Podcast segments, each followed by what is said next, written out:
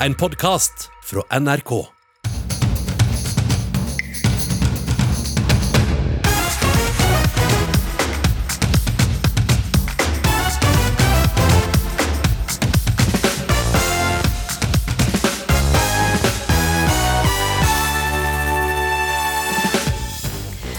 Flere takker nei til koronavaksine for å dra på hytta, forteller en vaksinearbeider. Men de er ikke garantert å få et raskt tilbud igjen uka etter påske, sier FHI, så ber folk takke ja med en gang. Rekordmange startet med å dyrke sin egen mat i fjor, men eh, for programleder Pål Plassen ble urtehagedrømmen et lite mareritt. Så det gikk jo litt i frø for meg, for å si det sånn, da. Og i et eh, eksperiment skal tusenvis av fotballfans fylle tribunene under VM-kvalifiseringskampen i Amsterdam i kveld. Håpet er å finne en måte publikum kan gå på kamp igjen, midt i pandemien. Ja, hvor båter med ukesluttse. Bordsbåten ukeslutter. Velkommen til ukeslutt, sa disse samiske artistene, som slår et slag for at vi alle skal lære oss noen samiske gloser. Påsken står for eh, tur, men eh, i år som i fjor blir eh, høytidens tradisjoner for mange amputert som følge av koronarestriksjonene. Kongeparet skal feire påsken på prinsehytta i Jotunheimen, og kong Harald sa i sin hilsen til det norske folk at nå røyner det på. Jeg vil ønske hver og en av dere en så god påske som mulig. Og mange av oss er skuffet over ikke å kunne få være sammen med venner og familie. Jeg håper allikevel at alle vil prøve å gjøre sitt beste ut ifra situasjonen der vi er. At vi alle kan finne glede i små ting som vi tross alt kan gjøre. God påske, alle sammen. Og vi er jo alle bedt om å droppe unødvendige reiser i Norge. Statsminister Erna Solberg dropper sine planer om å dra til eh, Bergen. Og så har det vært en bekymring da, for at eh, påskeutfarten skulle bli ekstra stor i år fordi folk ikke kan dra utenlands. Hvordan eh, ser det ut på hovedveiene nå, Petter Ringholm Gustavsen i NRK Trafikk? Det ser egentlig ganske bra ut. Riktignok så er det tett og økende trafikk på E16 fra Solhjøgda til Hønefoss, eh, med forsinkelser på ca. 15 minutter.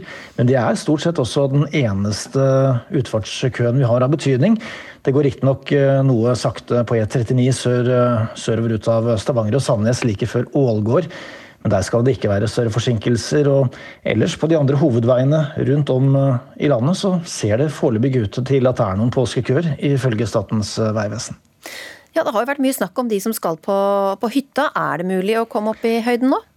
Ja, det ser veldig fint ut eh, i dag og også et stykke ut i morgen, på, til i morgen, så vidt vi skjønner. For eh, akkurat nå er alle de store fjellovergangene i Sør-Norge åpne for normal trafikk. Valdresflyet er riktignok vinterstengt fortsatt, men kan åpne igjen på mandag hvis eh, været tillater det. Det eneste unntaket vi har, er lengst nord, for i Finnmark så har vi kolonnekjøring på et par fylkesveier. Takk skal du ha, Petter. Og på veien i eh, nyinnkjøpt eh, bobil, eller nesten på veien i hvert fall, det er du, Per eh, Sandberg. Politiker for Liberalistene og, bareier. Hvorfor ble det bobilpåske på deg og samboer Behare Letnes i år? Nei, Det blir jo endring for oss alle sammen. Og jeg syns vår fantastiske konge påpekte det på en fin måte. Vi begynner å bli lei alle sammen. Vi hadde jo tenkt vi skulle ha en god påske i Halden vi da, og traktere hjemmepåskehaldensere. Men eh, det ble det jo ingenting av. Vi er jo nedstengt alle sammen. Også barn og deres. Jo, mm. Ja, det, vi er nedstengt alle sammen. Så, og da måtte vi jo finne på noe annet, og ikke kan vi reise utenlands heller. Og da falt jo valget på bobil. Da. Jeg har i hvert fall ikke registrert, og jeg har prøvd å sette meg så godt inn i regler og restriksjoner som jeg kan. Men det er ikke foreløpig så er ingen restriksjoner på bobil. Så, og ikke får vi karantene heller hvis vi kjører oss en tur med bobilen. Så, og her er det jo masse flotte plasser å, å oppleve. Da, vet du. du trenger ikke å dra langt heller. Nei, ikke sant. Hvordan trives dere da i denne mobile hytta som du kaller den? Kan du beskrive den? Ja, jeg har jo hatt bobil tidligere, men nå er det jo så nytt og avansert alle sammen. Så akkurat nå så er vi i en sånn eh, eh prøve og feile og teste eh, innkjøring. For eh, det er så mye teknisk og så mye du må lære deg. Men ellers er det jo helt fantastisk. Jeg sier det at eh, når det er masse vær, og det har vi jo, vi har jo et dårlig vær her nede i Østfold, så er det godt å sitte inne i en god, varm bobil og så ta seg et glass rødvin. og og eventuelt spille litt kort eller uh, dra en quiz eller uh, hva det måtte være. Med stearinlys, selvfølgelig. Det høres uh, koselig ut. Hvor går ferden nå, da? Du, Det er jo det som er så fint også. ikke sant? Nå satt Bahareh og så kikka litt på noe sånne Vi vil jo helst ned med sjøen, da. og ikke klatre så mye opp på fjellet, tenkte jeg å si, med bobilen. Men eh, hun leter nå etter da, noen flotte plasser der at vi kan komme oss ned ned ved sjøen. Men jeg tror ikke det blir noe sånn lang tur i første omgang. Nå må vi først trene, og så får vi se når påska virkelig drar seg til, om vi tar en lengre tur da. Kanskje du blir frista til årets første bad også?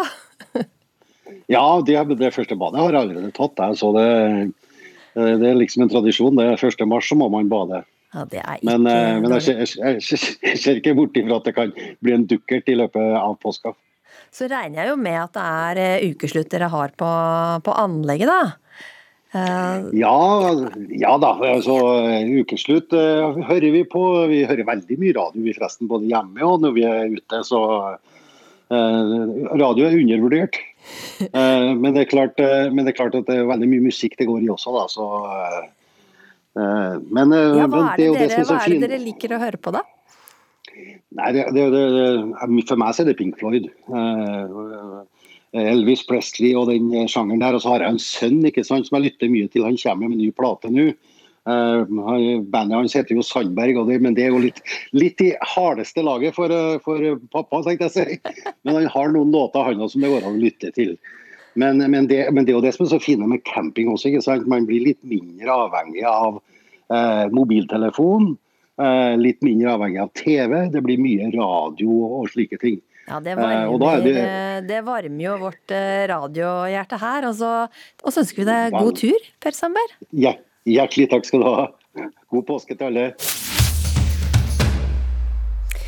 Flere takker nei til å ta koronavaksine i påsken fordi de skal på hytta. I bydel Nordre Aker i Oslo anslår de at eh, omtrent halvparten som får tilbudet, takker nei nå. Og I tillegg så forlenger jo Norge pausen i bruken av AstraZeneca-vaksina. Og overlege i Folkehelseinstituttet, Preben Aavitsland, hvilke konsekvenser får det om folk sier nei til oppsatte vaksinetimer? Ja, nå er det jo sånn at Neste uke så, så kjører vi ut over 100 000 doser. Det, det er nok til 2% av landets befolkning. Og De dosene må jo settes i løpet av tre-fire dager. og Da blir det vaksinasjon både på skjærtorsdag og, og langfredag. Så hvis folk takker nei, så lager en jo ekstra mye arbeid for eh, kommunens vaksinasjonsapparat. Og, og, det trenger vi ikke. De som står der og vaksinerer, de har droppa sin påskeferie, og de gjør det for å gi vaksinasjon til folk. Da syns jeg folk skal faktisk eh, takke ja til det tilbudet de får nå. Så slipper de å lage trøbbel for kommunen, og så slipper de å komme langt bak i køen. Hvor mye kan det påvirke framdriften da, i vaksineringa? Ikke veldig mye, men det er klart alle sånne forsinkelser, all sånn plunder og heft med ombooking av timer og sånt, det forsinker arbeidet. Nå skal vi vaksinere i neste uke 2% av landets befolkning, og det skal vi gjøre eh, hver uke framover. Etter hvert mer enn 2 i uka. Og da, da må folk samarbeide. Den ene gangen i livet så kan de droppe eh, påsketuren. Og så har jeg skjønt at eh, man er ikke garantert å få noe vaksine rett etter påska, hvis man takker nei i påska? Nei, altså Det kommer helt an på hvordan kommunen gjør det. De har en, en, veldig komplisert oppgave med å få alt til å klaffe med de som skal møte opp. Så hvis man sier nei og, og liksom tror at man kan da nærmest eh, bestille en time etter påske, så er det ikke sikkert det går. Så min oppfordring er helt tydelig. Ta den timen du har fått tildelt, og stille opp, og heller dropp den hytteturen.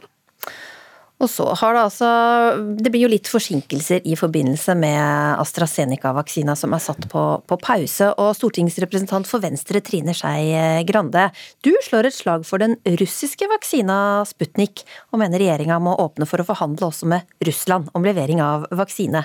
Hvorfor det? Fordi at Nå syns jeg ikke vi lever i en tid der vi skal la storpolitikken bestemme. Nå skal vi la fagfolkene bestemme hva det er som er trygge vaksiner.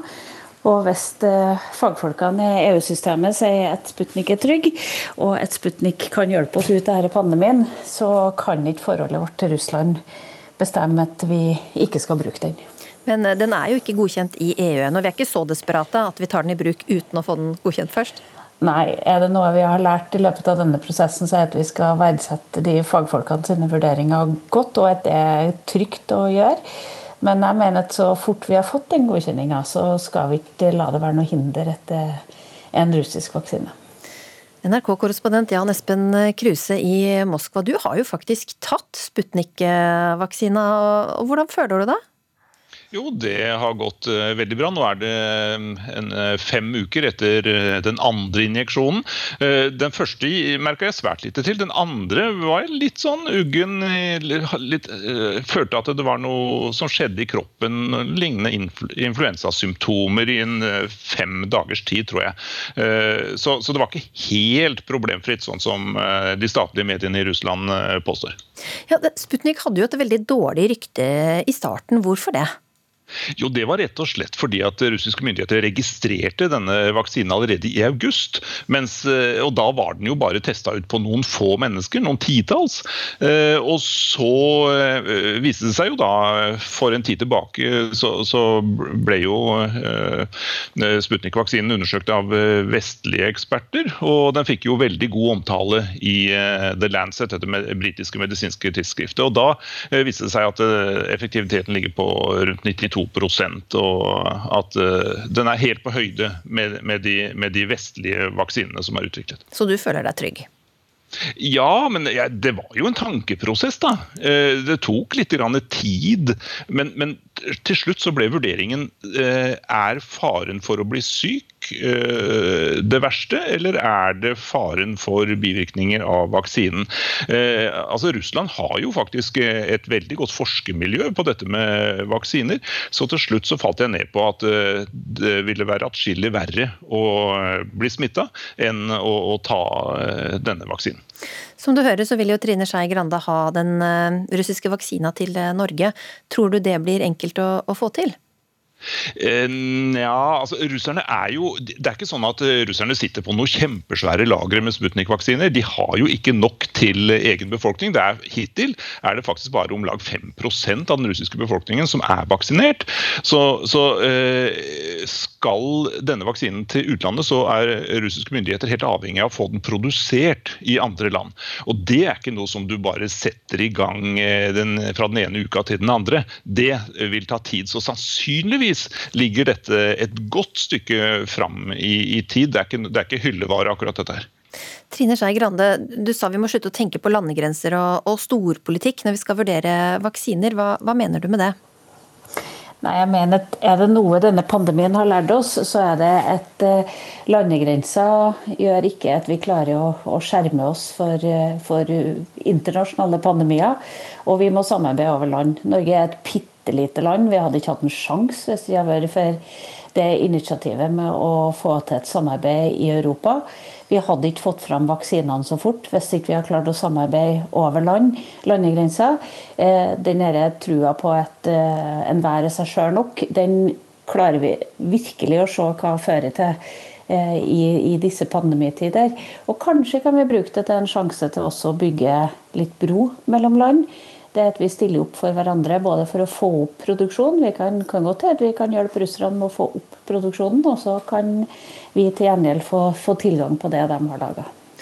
Russland har jo tidligere sagt at du er ikke velkommen til dem. Du er persona non grata i, i Russland. Ville du likevel tatt en russisk vaksine dersom den nå blir godkjent? Ja, det er Russland som ikke liker meg. Jeg liker Russland. Eh, så, så, jeg tror bare det er veldig irriterende med liberale partiledere som bygger opp kvinnebevegelser og sånn i, i, landet. Så, så, eh, jeg mener jo at vi bør ha, eh, ha samarbeid mellom land, og kanskje det, denne pandemien kan brukes til å forklare at, at det å ikke samarbeide, det gjør at begge to kommer mye kortere enn hvis vi klarer å samarbeide. Preben Aavitsland, hva sier du til å ta i bruk Sputnik-vaksina i Norge?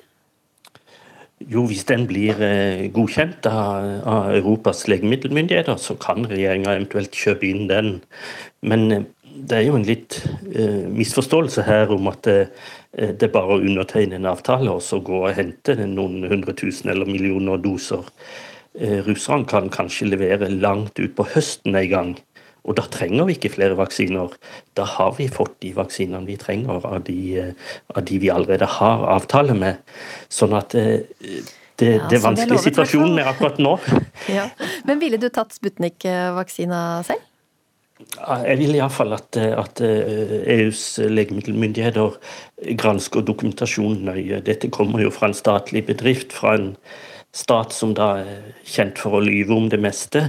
Så her er det nødvendig med en grundig prosess før den eh, vaksina eventuelt blir godkjent. Men det viktige er at vi, vi trenger ikke Eh, den avtalen. For vi har nå avtaler som mm. gir oss vaksiner utover våren. Og det er da det er des desperat mangel. Trine Skei Grande, du har jo en sjelden immunsykdom som gjør at du er i risikogruppa. Og, og, du har fått din første dose vaksine, og fått den gaven da, som vi alle ønsker oss uh, i år. Hvordan var det å få den? Jo, det var, For det første var det en veldig sånn høytidelig stemning i rommet for oss fire som satt der. Og, og som og en av som fikk det samtidig med meg, sa at uh, jeg hadde ikke trodd at det skulle føles så høytidelig, men det gjør det. Og for meg er det helt uforståelig at noen syns påskeferien er viktigere enn, enn å få det stikket.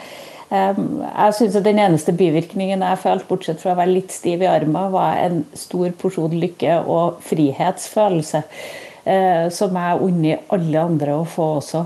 Så dette er veien ut av pandemien. Og det kan godt hende at Davidsland har rett om at når, når Sputnik er klar, så er vi klar. Men det er jo ikke sånn at dette har vært sånn rett fram og ingen bulker i, i veien. Det, det, går jo an at noe skjer som gjør at produksjonen hos noen andre feiler. Og, og da syns jeg ikke at vi skal lukke dørene til hverandre. Det er jo dette vi alle går og gleder oss til, at mange nok er vaksinert så livet kan gå tilbake til eh, normalen. Takk skal dere ha, Trine Skei Grande, Jan Espen Kruse og Preben Aavitsland. Unnskyld, Yvonne, hvorfor så jeg deg ikke?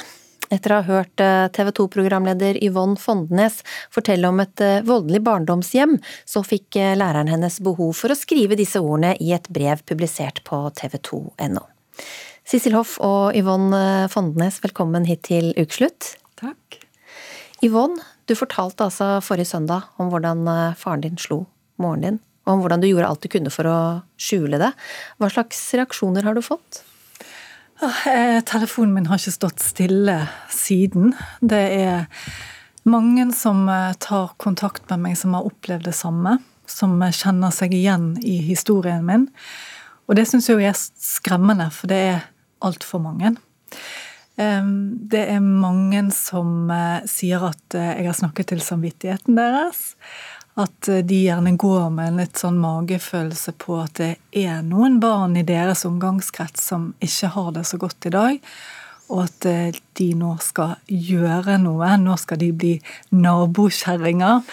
Og det gjør jo inntrykk på meg, da, for det har på en måte vært motivasjonen min for å fortelle min historie. At hvis den kan bidra til at ett barn får det litt bedre, så har det vært det. verdt det. Sissel Hoff, du var altså læreren til eh, Yvonne. og Hvordan opplevde du å høre Yvonne fortelle om eh, barndommen sin? Det var for meg som å bli truffet av en sjokkbølge. Fordi hun, Da hun fortalte historien, så trakk hun jo på en måte meg også inn i denne historien som jeg ikke kjente til. Og da forsto jeg at hun hadde gått under min radar.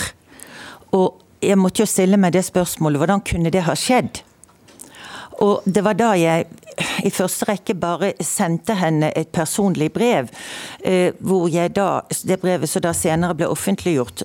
Og da var det jo det viktigste for meg å skrive til Yvonne, slik som jeg kjente henne, det var å si til henne hva det var jeg hadde sett. Og da si unnskyld for det jeg ikke hadde sett. Det var et veldig rørende brev, også for oss andre som har, har lest det. Hvordan, eh, hvordan var Yvonne? Nei, Yvonne var jo en veldig hyggelig elev å ha på skolen. Hun, eh, jeg fikk jo henne da når hun gikk i, i første klasse på videregående, hadde henne til hun var ferdig i tredje, og var klassestyrer for henne i to år. Og Yvonne var altså en person, en person som Jeg visste jo allerede at, hva hun ville bli, og hvor hun skulle studere, hvor hun skulle ta utdannelsen sin. Og hun var en elev som hadde klare mål, og så jobbet for målene, og hun nådde dem jo. Og hun deltok i alt det som skolen vår hadde å tilby. Enten det var faglig læring, det var jo det viktigste, da, men sosialt samvær eller skolepolitikk eller, eller humanitært arbeid. Eh, så hun var en elev som eh, alltid leverte, og hun var åpen, og hun var trivdes. Og Derfor så slo det meg ikke at hun holdt noe tilbake. Nå... For hun var rett og slett bare Yvonne. En flott jente. Og nå sier du unnskyld til Yvonne. Hva, ja. hva sier du unnskyld for?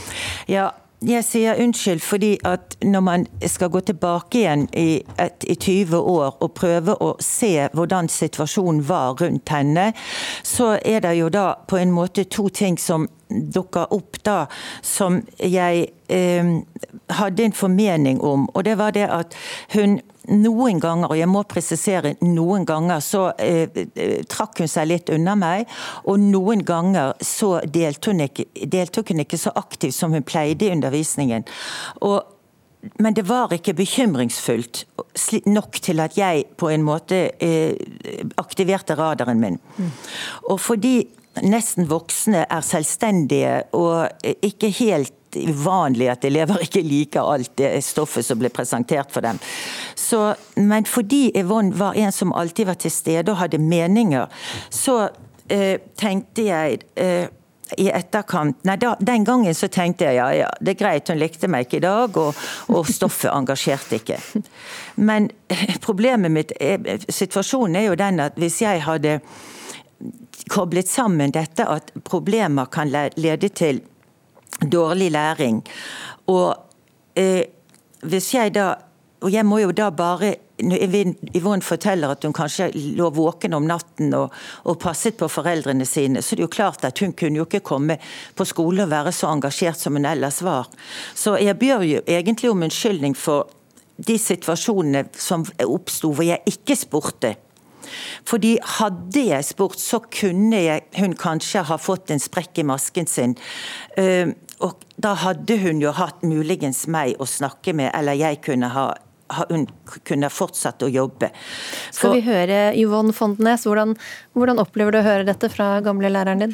Jeg sprekker litt i masken. Det er jo veldig rørende eh, og fint. Um, men jeg ville jo ikke bli oppdaget, sant? Eh, og, og, og gjorde alt for å holde dette hemmelig. og og um, altså Timene til Sissel Hoff det var jo mine pusterom. Altså Det var jo et sted som jeg kunne være engasjert uh, og være flink og få tilbakemelding på det. Og for meg så lå det jo mye omsorg i nettopp det. Sånn at uh, Tusen takk. så jeg syns jo at det er hyggelig med en unnskyldning, men, men nei, med meg har det jo gått bra. Ja. Sånn, så motivasjonen min for å fortelle min historie er jo for at vi skal eh, være bevisst. Og som Sissel sier, sant, det er bare noen sånn bitte små tegn som er der, som du gjerne lukker øynene for fordi alt annet er så bra. ikke sant? Ja. Altså, Du er den flinkeste eleven ja. i klassen. Du mm. stiller opp eh, godt forberedt mm. og er godt kledd. Og jeg vil bare at vi skal bevisstgjøre oss litt sjøl og, å se enda litt bedre. Og hvis vi på en måte kan oppdage noen flere av disse barna Jeg tror ikke vi noensinne kommer til å oppdage alle, men noen flere. Så har det vært verdt det for meg å, å være åpen om min historie. Og Du har jo snakket om denne magefølelsen, da, at vi alle skal liksom eh, høre på magefølelsen vår. Men hva, hva, hva konkret kan vi, liksom, hva kan vi se etter? Har ja. du noen altså jeg tenker, eh, En magefølelse har jo veldig ofte rett. Og så Ehm, det er jo veldig vanskelig å svare på fordi barn er forskjellige, men jeg tror eh, veldig ofte så er det noen signal der. Ehm, etter jeg fortalte min historie, så har det kommet fram at naboer gjerne har lurt litt på hvorfor jeg var så mye alene. Eller eh, mamma til venninna av meg som lurte på hvorfor jeg aldri egentlig måtte gå hjem, eller gjerne kunne spise middag hos de både én og to dager i uken. Men selv om folk på en måte stusset litt, eller undret seg litt, så passet det på en måte ikke helt inn med det fasadebildet som de så. De så en utadvendt jente med mange venner og hadde gode karakterer og var godt kledd. Ja, og det er det som plager meg. At ja. jeg ikke så igjennom. Mm. Eh, er du selv på alerten nå, Yvonne, og for andre barn? Jeg, eh, jeg, går ikke rundt og tenker at alle barn har det vondt og at de har dårlige foreldre, men når jeg møter barn, så søker jeg alltid kontakt. Jeg snakker alltid med barna og, og etablerer en eh, kontakt. Og, og, det gjør jo jeg òg fordi jeg liker barn. De er jo morsomme og fine mennesker som eh, har masse fine og underlige tanker innimellom. Men jeg tror det er litt det det handler om, da, å tørre å, å snakke snakke med barn. Det er ikke farlig å snakke med barn. Mm -hmm. Og hvordan kan altså Vi går jo inn i en påske som er spesiell. Eh, hvordan kan hver og en av oss være med på å skape noen sånne pusterom da, som var viktig for deg? Det for ja, det, det, tror jeg handler det, det, det, er små ting som, som kan gjøres. Hvis du f.eks.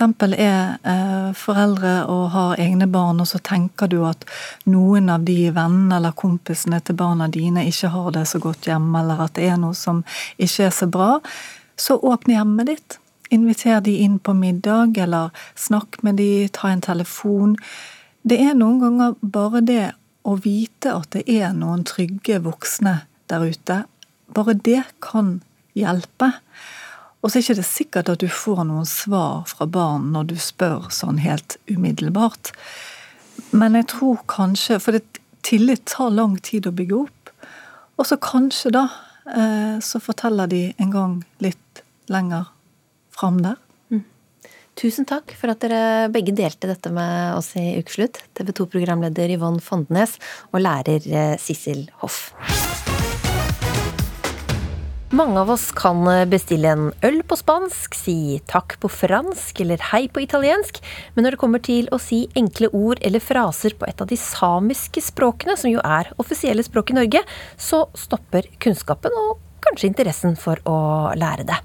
Men Anja Sofie Hansen Nordsletta, for et par uker siden så var du sammen med dattera di og ei venninne på en lekeplass i Tromsø, og så skjedde det noe som rørte deg. Hva var det?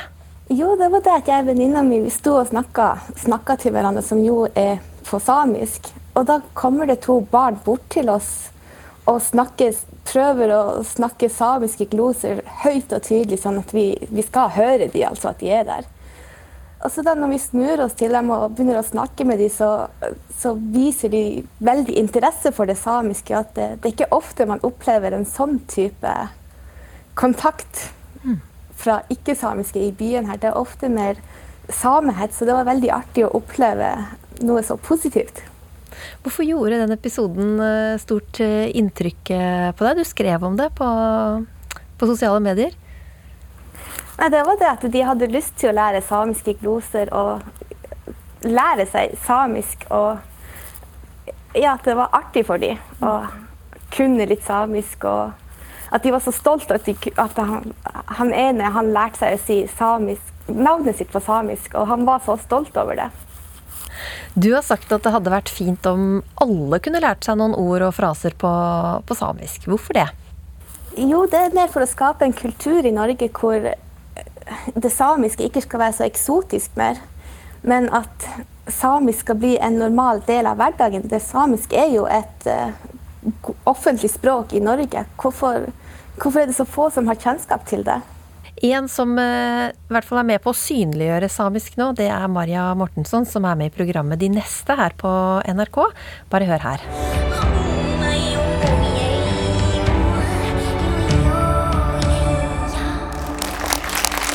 Tusen hjertelig. Veldig.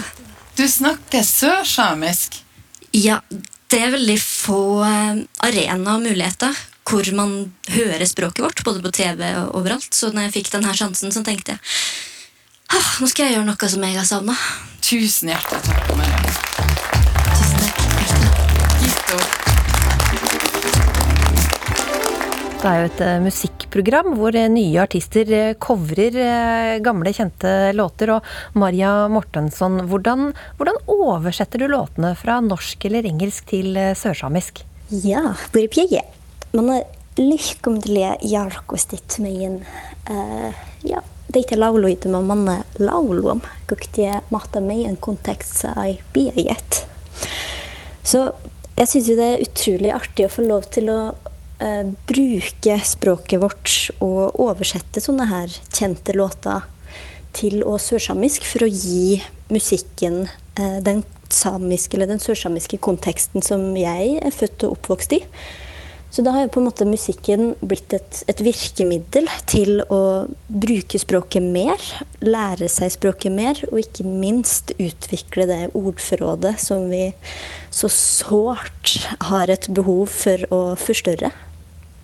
Så det bor jo ikke så mange sørsamer i Norge og Sverige. Det er et sted mellom 800 og 2000. Og selv blant sørsamer så er det jo få som, som snakker det. Hvilke tilbakemeldinger har du fått fra publikum at du velger å synge på sørsamisk?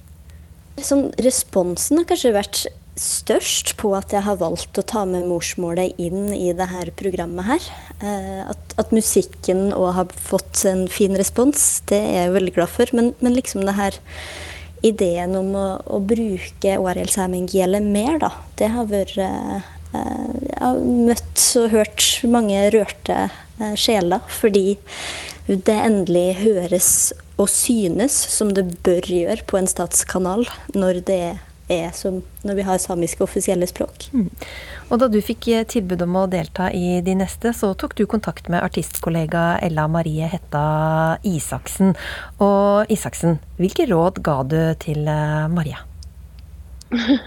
Nei, jeg, jeg syns det var veldig gøy at, at, Maria tok steget inn på TV-en, for at jeg vet at det er et, eh, et, stort steg å ta for mange, og at det sitter litt langt inne. Og jeg, jeg er så glad for at vi har at vi er flere da, som, som, som står sammen i den kampen nå om å, om å synliggjøre det samiske språket og kulturen. Og så syns jeg jo at Maria gjør det på en sånn eh, eksepsjonelt eh, fin måte. At hun er, hun er en sånn eh, Ja, en virkelig sårt trengt rollemodell. Men også en, en, veldig verdig representant. Så jeg hadde ikke noe sånn råd å komme med annet enn at jeg jeg heia veldig på at hun skulle gjøre det, og jeg har jo fulgt med hver, hver episode og syns det er veldig artig. Du gikk jo helt til topps i Stjernekamp i, i 2018. og Hva, hva syns du selv at du fikk eh, vist fram der av det samiske språket og kulturen? Uh, ja, da må jeg jo ta utgangspunkt i det folk liksom kommer med respons. Uh, og, og, det er jo den stoltheten som jeg har vist, som, som kanskje har eh, prega folk mest. Og den stoltheten jeg har for mitt, min kultur og mitt språk, det er jo helt naturlig for meg. Men så er ikke eh, alle kanskje like vant til å se det. Og, og både fra mine egne, altså fra medsamer, holdt jeg på å si, så har det vært mye fin respons på at, at de har følt seg motivert til å, til å være stoltere og tryggere i sin identitet. Men så er det jo veldig mange også som mm. ikke har visst så mye om det samiske før, som mm, fikk, fikk, vite mer. Anja Sofie Hansen eh, hva, hva, betyr det for deg å se Maria og Ella Marie på TV f.eks.? Maria og Ella Marie er jo begge to store, kjente figurer i den samiske verden, så det er veldig stas at de fronter samisk kultur og språk på den måten de gjør. Da sier jeg tusen takk til eh, dere tre. Anja Sofie Hansen Nordsletta, Ella Marie Hetta Isaksen og Maria Mortensson. Takk, takk. Ok, eller der var han. No, no.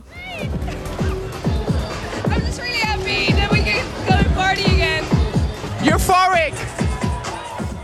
Musikk, dans, øl og 1500 mennesker tett i tett på en festival. Dette opptaket fra BBC hørtes kanskje ut som noe fra en fjern fortid, men nei da. Dette var sist helg i Nederland, og der eh, tester de nå om de kan gjennomføre store arrangementer under en eh, pandemi. Og i kveld så er det fotballfansen sin tur, når eh, Nederland spiller mot Latvia i VM-kvalifiseringskamp. Og sportskommentator i NRK Jan Petter Saltvedt, hvordan skal dette her gå for seg?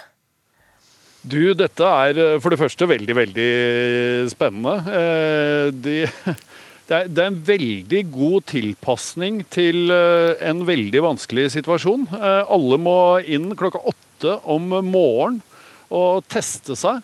Og så blir dette registrert i en egen app. Og hvis da testen viser seg å være negativ innen man enten skal på fotballkamp eller skal på en av eh, disse konsertene du allerede har spilt av lyden på, så får du lov å komme inn. Så blir man delt selvfølgelig i eh, seksjoner, og 5000 gir jo en viss avstand på en stadion som kunne tatt 50 000. Men hvis dette viser seg å kunne gjennomføres uh, uten at det øker smitten, så tenker man at dette er et grunnlag man kan ta med seg inn i sommeren. Ja, og dette eksperimentet, da, det følger jo fotball-Europa spent eh, med på? Ja, så til de grader. Eh, jeg tror det er en del festivalarrangører også som, eh, som ser til Nederland om dagen. Men det skal arrangeres et fotball-EM som i tillegg Det som var en veldig stor festtanke den gangen det ble bestemt at man skulle markere 60 år med fotball-EM ved å ha det i tolv byer i tolv forskjellige land har jo nå i ettertid vist seg å være et mareritt i vår pandemiverden. Og det er klart, da er jo alle spent på om dette kan være måten å få inn tilskuere på disse kampene på i sommer. Ja, nå blir publikum i Nederland prøvekaniner. da. Hva, hva kan gå galt med dette forsøket? Nei, altså det, det, det, kan jo rett og slett føre til større grad eh, av eh, smitte. Eh, Nederland er på det nærmeste helt stengt ned, og har vært det siden januar. Er, man kan ikke gå ute etter klokka ni på kvelden. De har testet det her i to tredjedivisjonskamper med sånn 1300-1500 mennesker. Og til nå har de ett smittetilfelle på de to kampene, og regner det som eh, såpass lovende at det da blir å prøve ut i større format i Amsterdam eh, i kveld. Men klør du selv etter å sitte på tribunen igjen? jeg merker kløen bare jeg snakker om det der. Jeg, jeg merka kløen da du spilte lyden fra konsert, og det å sitte der altså vi, vi merker mer og mer hvor utrolig sterilt uh, idrett som sådan er uten uh, publikum. Det mangler en helt vesentlig dimensjon vi kanskje ikke har satt nok pris på i alle sammenhenger uh, før. Altså Hvis vi skal beholde vår kjærlighet til både fotball og annen idrett, så må tilskuerne komme tilbake eh, snart, tror jeg. Og dette er jo heldigvis en vei dit. Og så er jo tilskuerne som kommer inn i Amsterdam i dag, så heldige også, ble det sagt i går, å få se noen vakre T-skjorter. Eh, inspirert av Norge, hvor det nederlandske landslaget også skal markere sin støtte til kampen for menneskerettigheter i Qatar, bl.a. Så de hiver seg altså på den eh, norske T-skjorteprotesten, altså. Og om det er nok, det skal jo du være med på å diskutere om eh, litt, Jan Petter Saltvedt. Samtlige spillere og alle i støtteapparatet hadde hvit T-skjorte med sort skrift der det sto 'Respect on and off the pitch'. Det er en eh, klar og tydelig markering mot det svært kontroversielle verdensmesterskapet i Qatar neste år. Ja, T-skjortene til Norges eh, fotballandslag har vel skapt større overskrifter verden over enn selve VM-kvalifiseringskampen som de spilte. Menneskerettigheter på og av banen var budskapet, og jammen fulgte ikke den store fotballnasjonen Tyskland etter, med sorte T-skjorter og Human Rights i store bokstaver for sin kamp. Alt som en protest mot de dårlige kårene menneskerettighetene har i VM-arrangørlandet Qatar. Og Jan Petter eh, Saltvedt, fortsatt sportskommentator i NRK. Hvor viktig er disse ordene på T-skjortene til fotballspillerne? Jeg må jo si eh, kanskje viktigere enn eh, vi trodde eh, der og da. Det var vel mange som hadde håpet at det skulle være et enda tydeligere budskap. Det er ikke nevnt noe om Qatar eller Fifa på dem. Men først så skiftet man fra respekt til menneskerettigheter, som, som du sa. Og så holdt man seg innenfor en grense som gjorde dette akseptabelt først hos et helt norsk lag, og som gikk på så grunnleggende verdier at uh, også hele det tyske laget fant ut at de ville være med og markere sitt standpunkt. Og nå har Nederland i første omgang, også en veldig stor fotballnasjon, sagt at de skal følge opp i dag. Uh, der vi kanskje trodde at vi skulle få støtte fra våre nordiske venner, så er det i stedet gått i andre retninger og fått en effekt som er eh, ganske overraskende og eh, faktisk ganske viktig. Og I store, store fotballnasjoner, hvor, hvor uvanlig er det å se slike markeringer?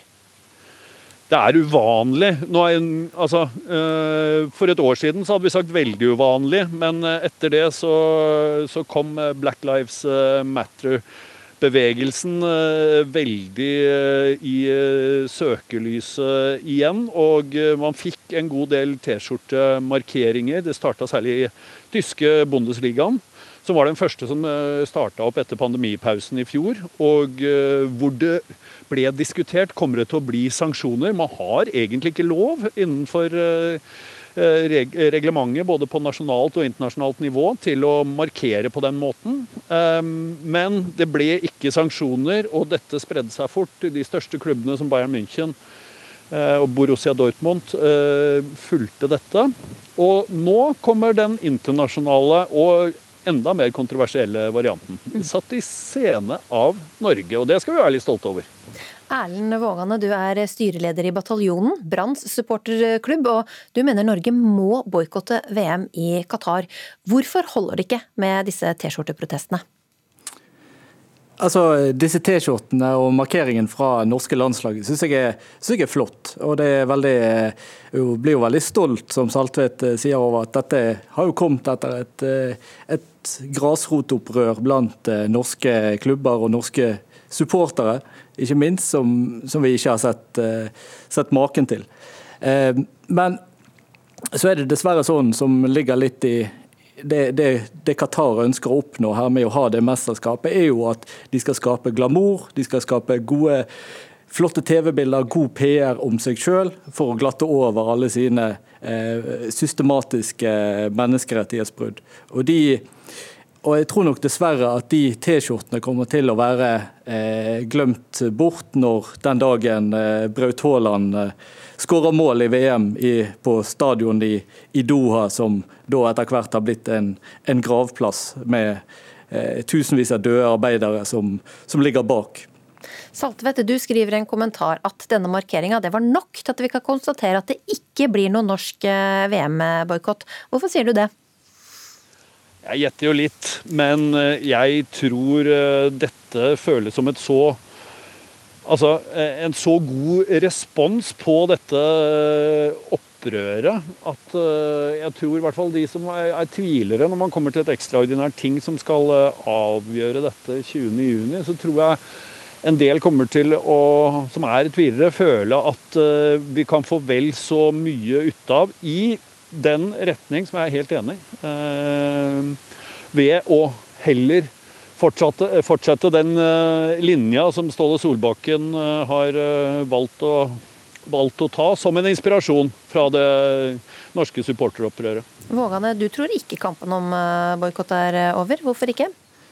Nei, jeg tror det er på ingen måte over. for det, dette, dette, er en, dette, er ikke en, offentlig debatt som bare blåser over. Dette er som Saltvedt sier, det skal opp på, eh, på eh, ekstraordinært fotballting i, i, juni. og Da er jo det grasroten i eh, norsk fotball som skal ta en avgjørelse selv. Altså klubbledere styrer fra eh, norske topp- og bredde, breddeklubber. Eh, og her er mobiliseringen Eh, fra, fra bunnen er enorm på dette her.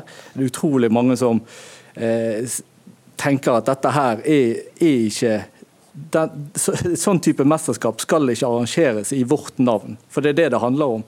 Eh, det handler om at fotball, vår idrett, eh, blir brukt til ikke bare å dekke over menneskerettighetsbrudd, men faktisk skape Eh, store mengder av menneskelig lidelse bare fordi at vi har det. Og det er et utrolig og, og, og, og jeg oppfatter at de som sitter rundt i norske klubber eh, og, og, driver med eh, ønsker å få fotball fram, og at fotball er en positiv eh, fritidsaktivitet, en positiv ting å se på. Eh, at, at de, de, føler at dette er vårt, vårt, ansvar. Dette kan vi ikke stå for lenger. Men om, om Norge da skulle bestemme seg for en boikott, tror du Qatar bryr seg om det? Lille Norge ikke vil? Ja, definitivt. Eh, jeg tror det er veldig, veldig Som sagt, det er, dette mesterskapet har ett formål. Det er å skape god PR for eh, Qatar. Eh, hvis eh, dette er med på å skape veldig negativ PR, det er akkurat det de er mest redd for. Og ikke minst Fifa er ekstremt redd for det. Eh, og, og, og ikke minst at den snøballen kommer jo til å eh, rulle videre. Det er jeg helt overbevist om. Vi ser et enormt trykk fra tyske supportere, f.eks. nederlandske supportere. Og det er jo der i de landene òg, store land, eh, hvor landslagene responderer òg på opprør i sine egne, egne, land. Så dette er en snøball som kommer til å fortsette å rulle, og, som, og hvor det store, store målet Eh, for oss er jo å sette en standard for framtiden og skape en varig endring. Altså Fifa kan ikke drive på sånn som de gjør i dag, med å tildele mesterskap helt uavhengig av hvordan eh, menneskerettssituasjonen er, hvordan arbeidernes forhold er knyttet til enkelte mesterskap. Kort til slutt, Saltvedt. Altså, Fifa sier de ikke vil bøtelegge T-skjortemarkeringa, men hvordan tror du de reagerte på kontorene sine da de hvite T-skjortene dukket opp? De liker jo ikke, men de skjønner jo også at eh, det opprøret som Vågane beskriver der, og som er en fantastisk kraft, eh, kommer til å bli enda mye større den dagen de begynner å sanksjonere dette. Så jeg håper uansett hvordan det går 20.6, at kampen fortsetter. Eh, fordi det er jo det som er det viktige her. Ikke metoden, men hva man faktisk kan få ut av dette. Ja, det er mer enn eh, kampresultatet som blir eh, spennende i kveld. Takk Erlend Vågane og Jan Petter eh, Saltvedt. Pandemien har gitt mange grønne fingre, eller de har kanskje håpet at de har grønne fingre. NRK-programleder Pål Plassen var en av dem som kasta seg over potter og jord, men resultatet ble ikke helt som forventet. Planteeventyret for min del, det starta vel da Norge stengte ned, så hadde en sånn idé om at nå må jeg gjøre som jeg har sett på Instagram, på blogger osv. Nå skal jeg også plante og få en rikholdig krydderurtehage. Programleder i P1, Pål Plassen, var en av mange som kastet seg på fjorårets grønne bølge. Da landet stengte ned, fant han frem frøposene. Ok, det her er så koselig å holde på med. Bare ta potter og krukker og jord og uh, fylle opp og finne fram de her. Og så begynne å så. Jeg har store forventninger til det her. Men plassen var ikke alene om den ideen. Under koronapandemien er det flere som vil ha noe annet å tenke på enn sykdom. Og nå melder gartnerier og hagesentre på Sørlandet om rekordomsetning av planter i påsken. Enkelte har tredoblet plantesalget. Vi har eh, økt eh, med 100% på frø og løk f.eks. Og det er jo knytta til at eh, veldig mange nå har fått øynene opp for det å dyrke spiselige vekster sjøl. Til å begynne med så var det jo helt bare jord. Og så, etter noen uker, så kom den første lille grønne spira opp. Og da ble jeg jo veldig glad, og hadde liksom trua på at det her skulle ordne seg. Og jeg vanna og vanna og vanna, og holdt på og tenkte liksom at det her skal få stå der, det skal få stå i vinduskarmen eh, på kjøkkenet, for der kommer liksom ettermiddagssola, og det blir godt og varmt, og det er en panelovn like ved, så jeg tenkte at her får en sterkt tiltenkt og ønska drivhuseffekt. Et trent gartnerøre stikker kanskje en grønn finger i været og vil påpeke noe akkurat nå, men vi lar plassen holde på. For mens halve Norge nå består av nyfrelste gartnere, har andre stått på venteliste i evigheter. Jeg trodde først det var en fleip. Fordi jeg hadde passet på å svare på denne e-posten som går ut til alle på ventelista hvert år, vil du fortsatt stå på venteliste for. Og jeg tøyset tilbake og sa at hvor gammel tror du jeg vil være når jeg får plass, og sikkert 109 år, men bla, bla, bla. Og så plutselig så kom det at jeg hadde fått plass, og jeg trodde virkelig ikke på det. I skyggen av Oslos eldste kirke ligger et jordlappeteppe forbeholdt folk med tålmodighet, grønne fingre og Kari Slottsveen. Å, gå og se på at ting langsomt kommer opp og tar form, og at det bærer frukt, og at du kanskje til og med får din første asparges og sånn, det har ikke jeg fått til. Det syns jeg er Fader, er gøy, altså. Radioprofilen er inne i sin fjerde sesong med dyrking i parsellhagene på Egebergløkka. Vi ser jo nå at uh, dyrking er populært overalt, og det er vel kanskje en pandemi som er skyld i mye av det. Uh, tror du det er udelt uh, positivt? Ja, altså alt vi gjør, alt vi mennesker gjør, er aldri udelt positivt. Men jeg tror det viktigste er at du virkelig passer på hva du putter i jorda di. Sjekk hvor det kommer fra. Slottsveen har tråkket i salaten før, hun, men denne gangen har hun helt rett. Iveren etter å få ting til å vokse kan også få uante konsekvenser. Jo, det er jo en veldig hyggelig trend med at folk eh, plantedyrker egen mat, og det er en, det er en fin eh, avveksling. Eh, men i Mattilsynet så jobber vi for, at, for god plantehelse. Og nylig gikk Mattilsynet ut med en advarsel. Ikke plant frø du finner i mat fra butikken. Seksjonsleder Are Sletta forklarer. Den frukten du henter fra butikken, da, eller grønnsaker for den saks skyld, du vet ikke den sykdomstilstanden på det. Så det er, det er en risiko å plante det ut. Du kan måtte til dels ødelegge for deg selv, men du kan også spre smitte til, til jordbrukseiendommer eller til skog og miljø rundt deg. Da. Så det det er en fare der vi ønsker at folk er oppmerksomme på. Du har kanskje hørt om potetkreft eller pærebrann. Plantepandemien kan være nærmere enn du tror. Så det, det er veldig sjarmerende å dyrke fram tomater på den måten vi gjør. Men en plante er jo på en måte mer enn bare noe du skal spise. En plante er jo Det er jo en granat av liv. Det kan se ut til at den store dyrketrenden har fått et potteskår i gleden. Den vanligste plantetrusselen av dem alle, det var den som fant veien til Pål Plassens koronaurtehage. Ja, for hva skjedde egentlig?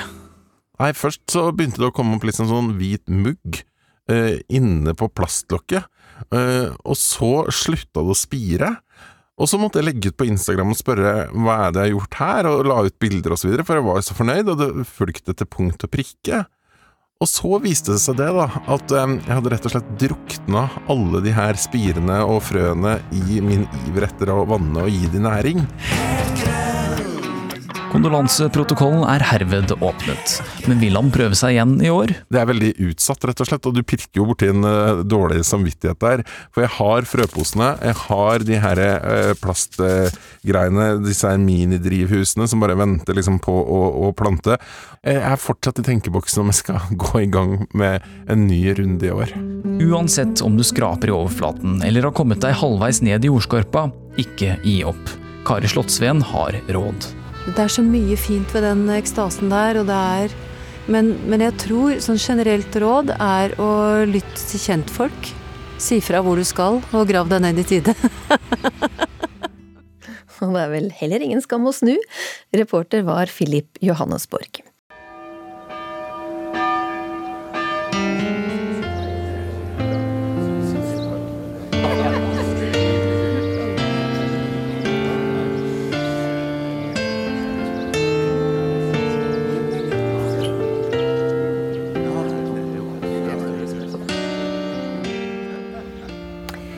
De var samlet 13 til bords, men eh, ble forrådt. Etterpå ropte folket på straff.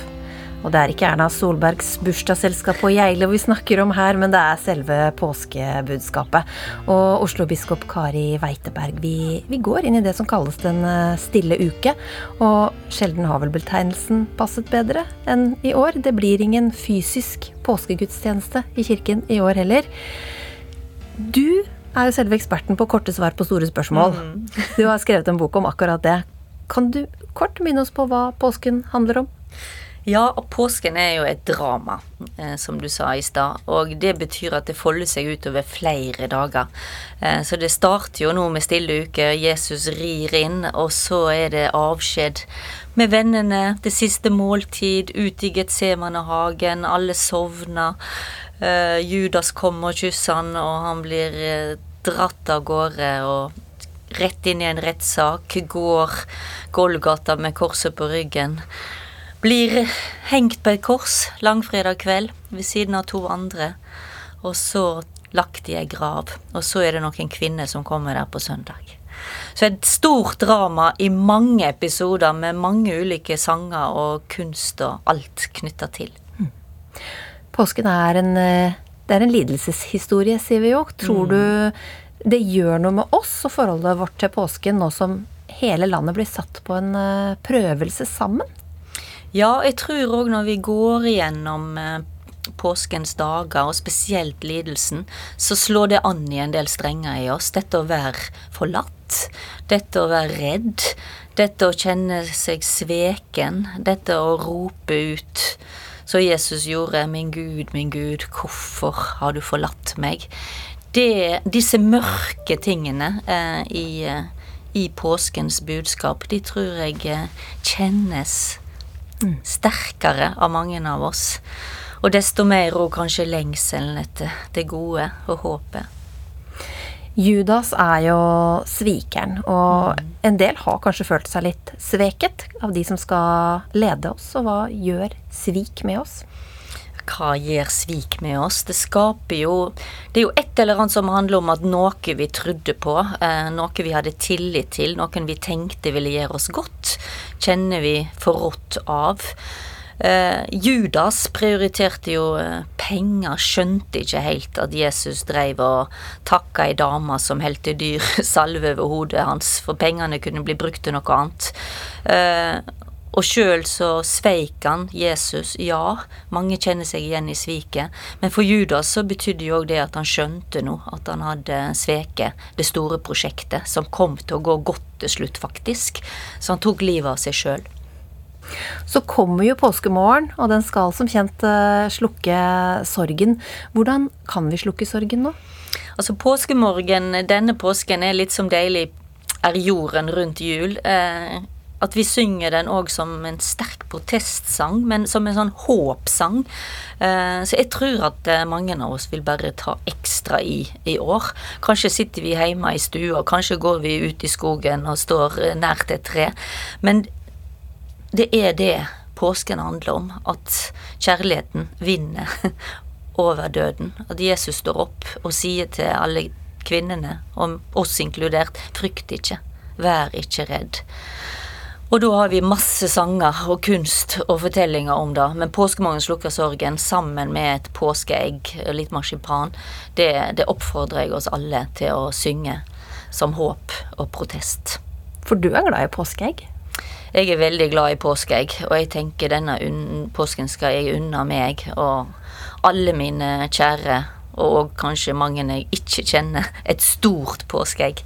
For da er det et eller annet med å ja, kjenne noe, noe godt og søtt, da. Det er jo en sånn barndomsgreie for meg òg, at vi alltid fikk påskeegg. Og du gjemmer alle andres påskeegg, men hva skjer med ditt? Nei, jeg håper at det er noen gjemmer mitt òg. For det å så leite etter påskeegg og få litt av den der samme yes-følelsen som de fikk den første påskedagen og ikke Jesus var eh, i graven lenger, det, det unner jeg alle. Du får ha en riktig god påske og god påskeeggjakt etter hvert, eh, biskop Kari Weiteberg. Tusen takk, og i like måte alle sammen. Ansvarlig for eh, sendinga i dag, det var eh, Line Forsmo. Teknisk ansvarlig Hilde Tosterud, og i studio hørte du meg, Linn Beate Gabrielsen. Du har hørt en podkast fra NRK. Hør flere podkaster og din favorittkanal i appen NRK Radio.